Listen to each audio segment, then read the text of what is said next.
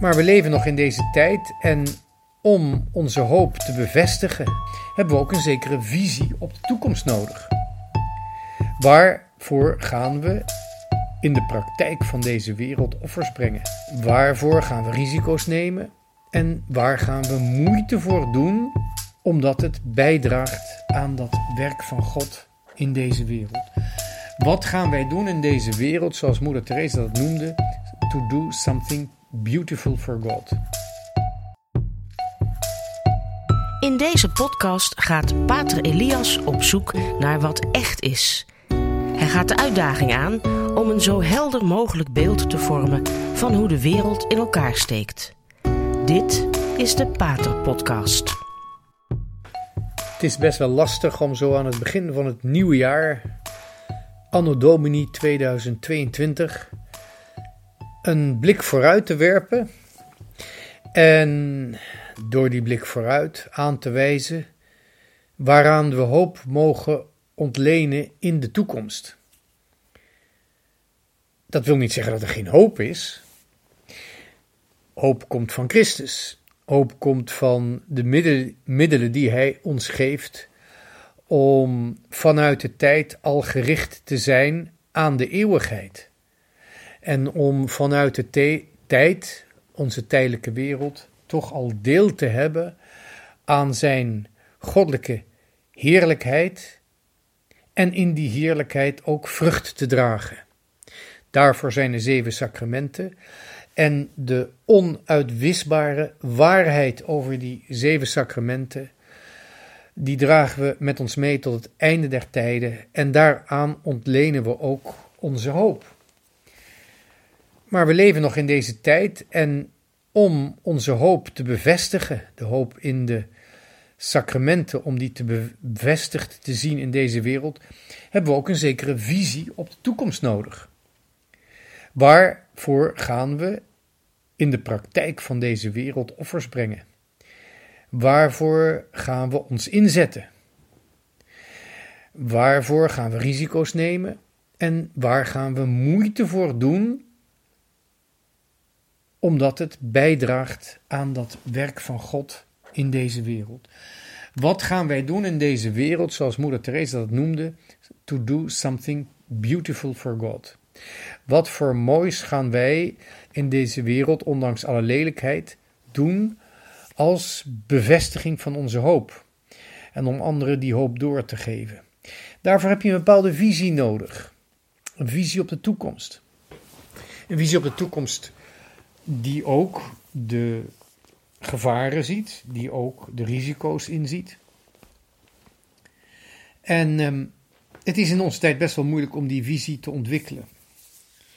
Ik ga het in ieder geval niet hebben over de nieuwe regering. Veel van hetzelfde.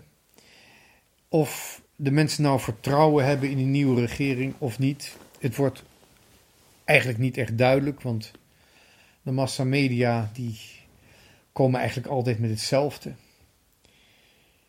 Ik uh, vraag me af wat het nieuwe kabinet beter gaat doen aan de werkelijke problemen die er zijn in de samenleving. Bijvoorbeeld aan het gezin, aan de manier waarop het leven wordt doorgegeven en de waarheid wordt doorgegeven volgens een wijsheid die de eeuwigheid raakt, omdat ze uit de eeuwigheid voortkomt en op de eeuwigheid gericht is. Wat voor rol gaat de familie spelen, het gezin en de vruchtbaarheid in het beleid van dit nieuwe kabinet? Ik denk dat het geen hoofdrol wordt. Terwijl dat nou juist wel precies is waar de toekomst van afhangt. Wordt onze samenleving weer een samenleving die gebouwd is op de bouwsteen die het gezin is, op de natuurlijke bouwsteen? We willen een groene economie, we willen ons klimaat redden, maar zijn we ook bereid om het menselijk ras te redden? Om de wijsheid te redden, het zicht op die wijsheid zoals die in de natuur en in de schepping zichtbaar is, als we het willen zien. En er zijn natuurlijk ook andere problemen die, die opdoemen. En ehm, waar al veel over gediscussieerd wordt, behalve eigenlijk echt doortastend gediscussieerd wordt binnen de overheid. En dat is de financiële crisis die eraan komt. We beginnen al iets van die inflatie te merken. Ik zal er verder niet op ingaan. Maar er zijn genoeg signalen die erop wijzen dat niet alleen er een financiële crisis aankomt, maar dat die in feite al begonnen is. Ik vang daar heel weinig um, van op hoe de regering denkt die problemen op te gaan lossen. En ik denk eerlijk gezegd ook dat ze die niet op zal kunnen lossen, omdat we een regering hebben zonder een munteenheid. En we hebben wel een munteenheid, maar die heeft geen regering, althans in ieder geval geen democratisch gekozen regering. En zelfs geen dictatoriale regering. Het is volstrekt onduidelijk wie er nou werkelijk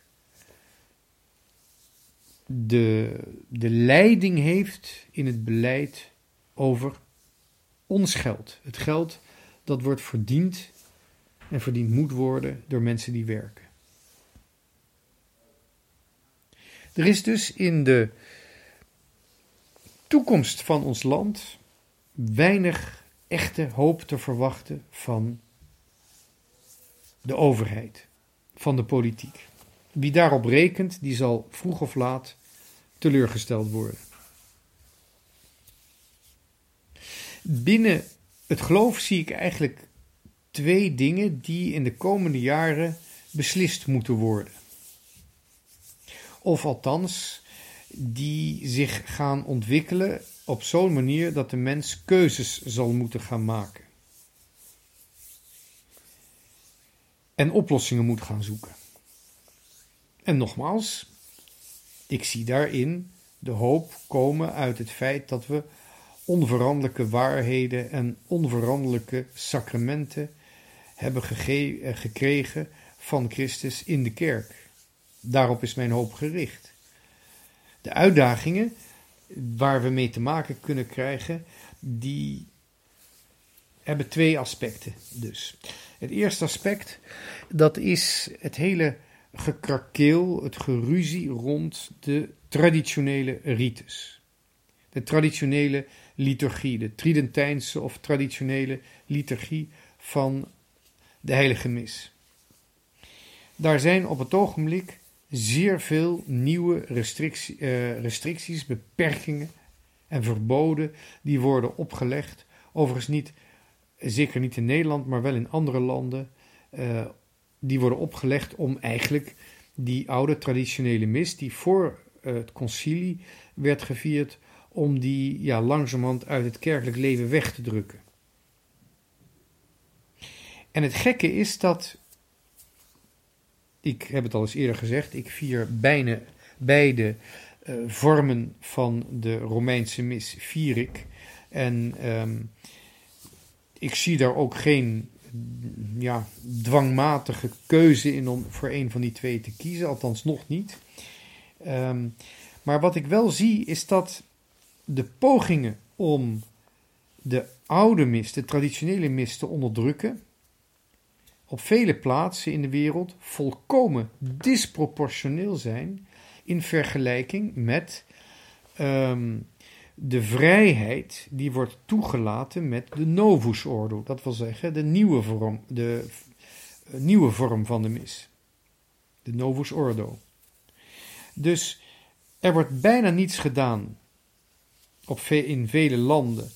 Uh, enigszins ook is dat wel zo in Nederland, hoewel we in Nederland eigenlijk een wat, wat, denk ik, wat rustige situatie hebben. Maar er wordt op vele plaatsen bijna niets gedaan aan het meest krankzinnige misbruik dat wordt gemaakt uh, in het vieren van de uh, heilige mis volgens de Novus Ordo. Terwijl er de meest absurde restricties zijn gekomen op de traditionele mis. Daar zit een hele merkwaardige discrepantie in, een totaal gebrek aan evenwicht. Wanneer je de oude mis wil beperken, dan moet je ook begrijpen dat er redenen zijn waarom mensen terugkeren naar die traditionele mis. En het is niet omdat ze dom zijn, of omdat ze rigide zijn, of ouderwets zijn, of gewoon ehm, ja, eigenlijk niet weten waar ze het over hebben. Nee, die mensen gaan terug en dan zijn er redenen. En als je werkelijk pastoraal wil zijn, moet je de redenen opzoeken waarom die mensen naar de oude mis gaan. En één daarvan is het misbruik van de nieuwe mis, van de Novus Ordo. De idiote capriolen die daar worden uitgehaald om een beetje populair te doen en om mensen naar de kerk te trekken. Ja, in feite heeft dat al het misbruik van de Novus Ordo en alle wanstaltige ehm, vormen waarop uh, eigenlijk opnieuw de mis moet worden uitgevierd. Ja, dat heeft een heleboel mensen uit de kerk gejaagd. Of in de richting van de traditionele kerk gejaagd. Dus wanneer je die traditionele mis heel erg inperkt, zoals op vele plaatsen gebeurt, dan moet je ook zorgen dat het misbruik van de Novus Ordo en de uitspattingen en de bizarre toestanden die er rond die Novus Ordo bestaan, dat je daar dan ook hard in ingrijpt. En dat blijkt dus helemaal niet te gebeuren. Dat is een enorme discrepantie. Maar er zit bij dat terugdringen van de oude mis, van de traditionele mis, het frustreren of het irriteren van de mensen die houden van de oude mis, van bovenaf, daar zit nog een ander element bij. Het Vaticaans Concilie, het Tweede Vaticaans Concilie, wordt daarbij vaak gebruikt als reden waarom die oude mis onderdrukt moet worden. Nou is het wel zo dat in het gebruik van die Tridentijnse mis vaak ook het Tweede Vaticaans Concilie ter sprake uh, kwam. En uh, mensen die dat, grote twijfels hadden bij dat Vaticaan, die, uh, ja, die hadden vaak te maken inderdaad met de stroming die die traditionele mis erg uh, mooi vindt of graag volgt. Er waren echt ook een heleboel mensen die wel voor die traditionele mis kozen, maar geen vraagtekens stelden bij het Tweede Vaticaans Concilie. En het is vooral is dat zo geworden, een zekere verzoening met dat Tweede Vaticaans Concilie, toen eerst Johannes Paulus II en uiteindelijk ook Benedictus XVI, de, twee pausen, eigenlijk steeds meer ruimte gaven voor die traditionele mis. Dat haalde een beetje het stoom af van die discussie over het zeg maar de, de, de, de, de druk af, de stoom van de, van de druk af van de stoomketel over die discussies um, over het Tweede Vaticaans Concilie. Alleen wat zo merkwaardig is, dat is dat nu bij het onderdrukken van de traditionele mis, en je kunt echt wel van een onderdrukking noemen, dat daarbij op een hele nieuwe manier het Tweede Vaticaans Concilie eigenlijk wordt gebruikt als een drukmiddel om die oude mis um, te verbieden, langzamerhand. Dus het Tweede Vaticaans Concilie, dat enigszins te maken had, of althans ter sprake kwam in de discussies over de traditionele liturgie, dat wordt nu ineens gebruikt als een machtsmiddel om de traditionele mis eruit te drukken om die te onderdrukken. En dat is een hele merkwaardige ontwikkeling, omdat het nu eigenlijk dat Tweede Vaticaans Concilie als een soort van ideologie wordt gebruikt. En ik denk niet dat dat de bedoeling was. Ik heb ook dat Tweede Vaticaans Concilie nooit als een partijlijn of een ideologie gelezen. Het document Gaudium et Spes heeft me voor mijn bekering al erg aangesproken. Maar ik had juist de indruk dat het een document was dat de menselijke uh, ja, geest, het menselijke denken, het menselijke hart eigenlijk wil openmaken voor wat de kerk te bieden heeft. Maar nu zijn al die documenten ineens, lijkt het, een ideologie, een partijlijn geworden. Dus ik zie eigenlijk in de komende maanden of de komende jaren het ervan komen dat noodgedwongen door de, de druk die wordt uitgeoefend door bepaalde elementen binnen de autoriteiten van de kerk. En die druk die maakt ideologisch gebruik van het concilie, wat als je het mij vraagt helemaal niet als ideologie wordt gebruikt. Juist door die druk, door dat politiek-ideologische gebruik van Vaticaans Concilie, zullen we dus ook opnieuw moeten overwegen waarom die documenten zijn opgesteld en wat, ze werkelijk, wat er werkelijk de bedoeling van is geweest. Er zit blijkbaar toch een zekere vaagheid of onduidelijkheid in die documenten van het Vaticaans Concilie, die nog eens ter sprake moet komen en waarin we helderheid moeten krijgen. Juist omdat het ja, erop lijkt dat er blijkbaar twee manieren zijn om die documenten te bekijken. Eén manier om het Tweede Vaticaanse Concilie te bekijken is het zoeken van wijsheid, het zoeken naar wijsheid, van wat heeft God nou werkelijk bedoeld met de kerk in deze wereld. En ja, aan de andere kant een partijlijn, ehm, een bepaalde interpretatie van het concilie, waar uh, volgens welke de kerk werkelijk een, een bijna ander nieuw geloof zou moeten aanhangen, waardoor de oude sacramenten eigenlijk totaal niet meer valide zijn, niet meer mogen worden toegepast. Dus ik denk dat we in, in de komende tijd die discussies gaan krijgen. Uh, we worden daartoe gedwongen door de toch wel vaak botte houding van sommige bisschoppen in de kerk om die uh, oude mis te onderdrukken. Ze doen het op zo'n manier dat zij ons ertoe dwingen om nog eens heel goed dat Tweede Vaticaans Concilie te bekijken en de documenten die daaruit zijn gekomen. Opnieuw te bekijken, ook al zouden we dat eigenlijk liever niet willen. Het tweede wat ik ter sprake wilde brengen is de betekenis van het woord inclusief. Het, het insluiten van um, inclusief zijn, dat wil zeggen het insluiten van uh, iets in de plaats waar je bent, om het heel eenvoudig te zeggen. En ik zie eigenlijk dat er twee manieren uh, ter sprake of steeds meer uh, actueel zullen worden eh, twee manieren waarop we dat woord inclusief kunnen opvatten. Namelijk binnen ons geloof zijn er twee gevaren die we lopen met het inclusieve. Um, althans, twee, twee keuzes die we kunnen maken. En die keuze die heeft grote risico's. De eerste keuze, inclusief, dat wil zeggen eigenlijk de oorspronkelijke Ehm, het plan van God, dat hij altijd gestand heeft, uh, heeft gewild. We lezen dat eigenlijk al in het begin van de Efezebrief, de brief van, van Paulus aan de Efeze.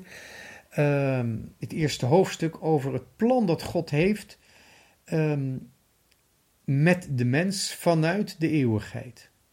Dat is een mooie, mooi hoofdstuk, wel um, lastig om te overwegen wat er allemaal in staat. Het is een zeer, um, ja, een zeer inhoudelijke tekst die je moet overwegen. Wat wil God met de mens vanuit de eeuwigheid? Johannes heeft het daar ook over. En natuurlijk de openbaring van Johannes spreekt over het evangelie, de brieven van Johannes. Het is echt een mystieke visie op de toekomst. En dus ook een mystieke hoop die daar wordt uitgelegd. En dan zien we dat God eigenlijk, ook al staat het woord niet in de Bijbel, maar ik gebruik het nu even. God wil als het ware de mens insluiten in zijn goddelijke heerlijkheid. Christus is gekomen om zelfs de zondige en sterfelijke mens in te sluiten in zijn, um, ja, in zijn heerlijkheid. dus de mens wordt als het ware opgenomen um, ook al is hij zondaar,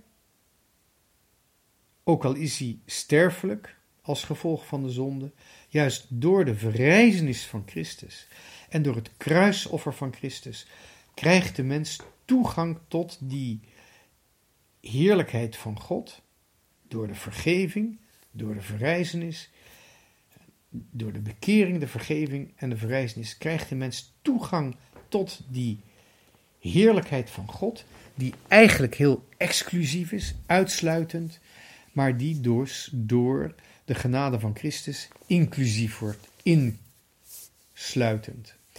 Dus inclusiviteit kun je allereerst vanuit God bekijken. God heet iedereen welkom die bereid is de vergeving te vragen, die bereid is zich af te keren van het kwaad, die bereid is zich te bekeren en ontvankelijk te zijn voor de genade. Voor die mensen, voor die zielen, is er de grote verandering van het exclusieve uh, goddelijke heerlijkheid naar een inclusieve goddelijke heerlijkheid.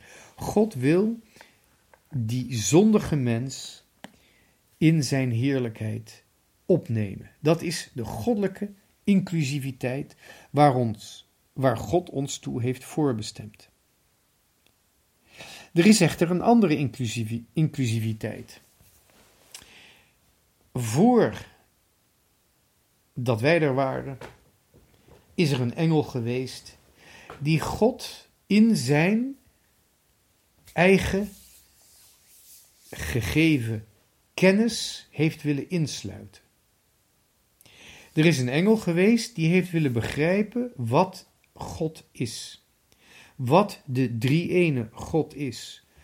Dat heeft hij willen begrijpen vanuit zijn eigen licht, vanuit zijn eigen kennis, zonder van God daarvoor het licht te ontvangen.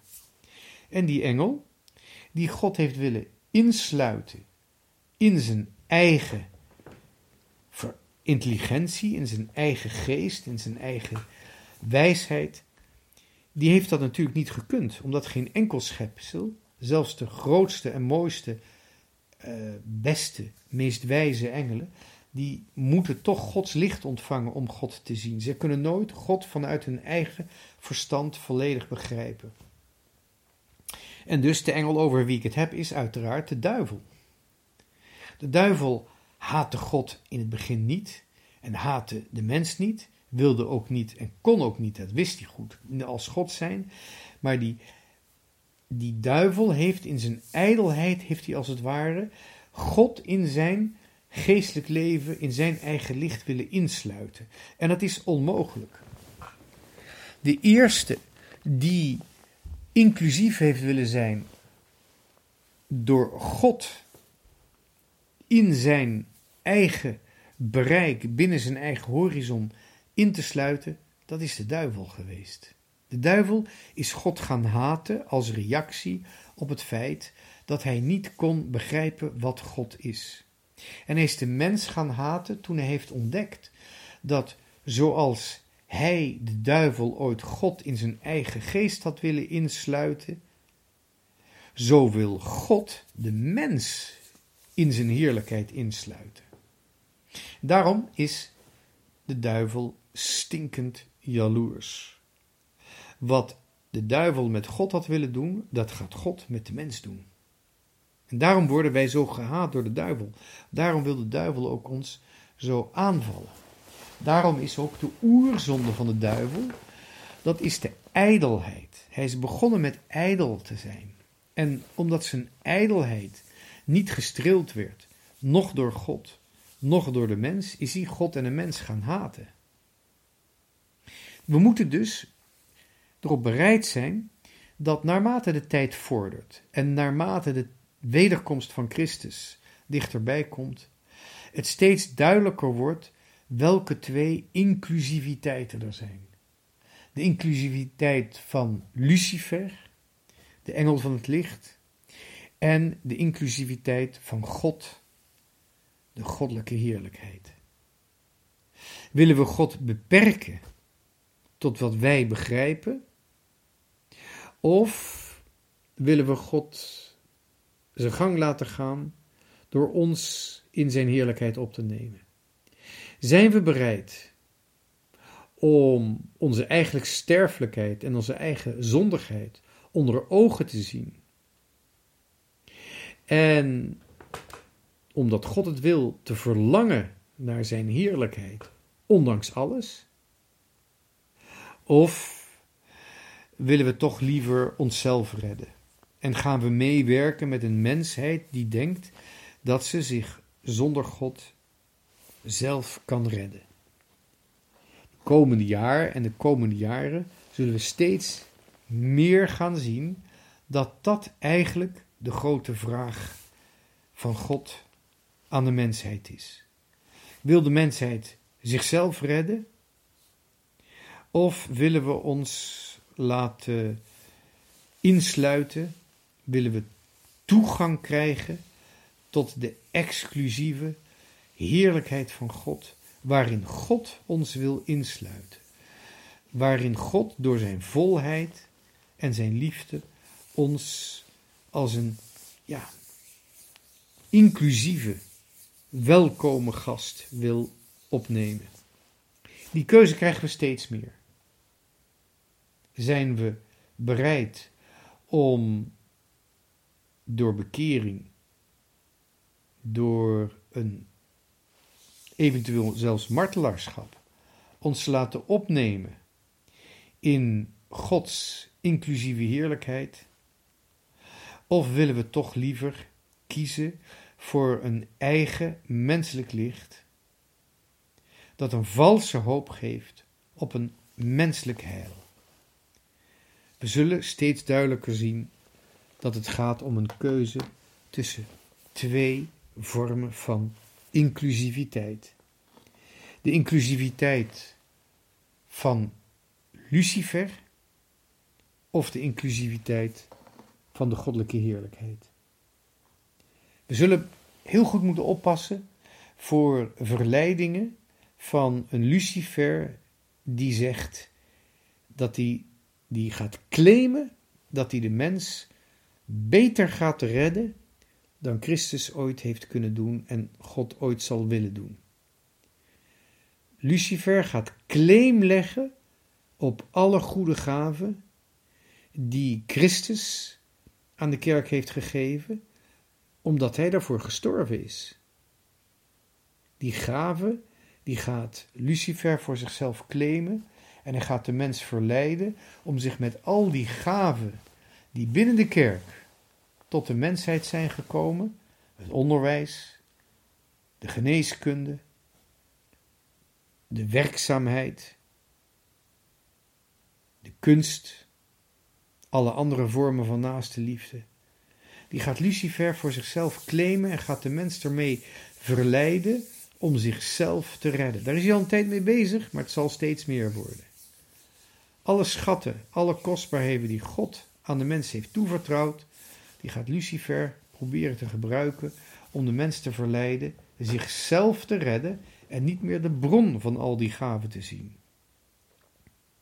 En als we wel met wat strijdbaarheid zoeken naar de bron van alle gaven en ook strijdbaar zijn om die bronnen op onze manier vrucht te doen dragen in onze tijd, ja, dan zullen we inderdaad toegang krijgen tot die exclusieve heerlijkheid van God, waarin God ons wil opnemen.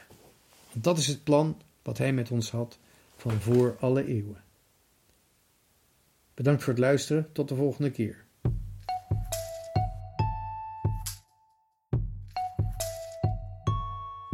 Dit was de Radio Maria Pater Podcast met Pater Elias. Deze podcast is online terug te luisteren via de website van Radio Maria en andere podcastplatforms.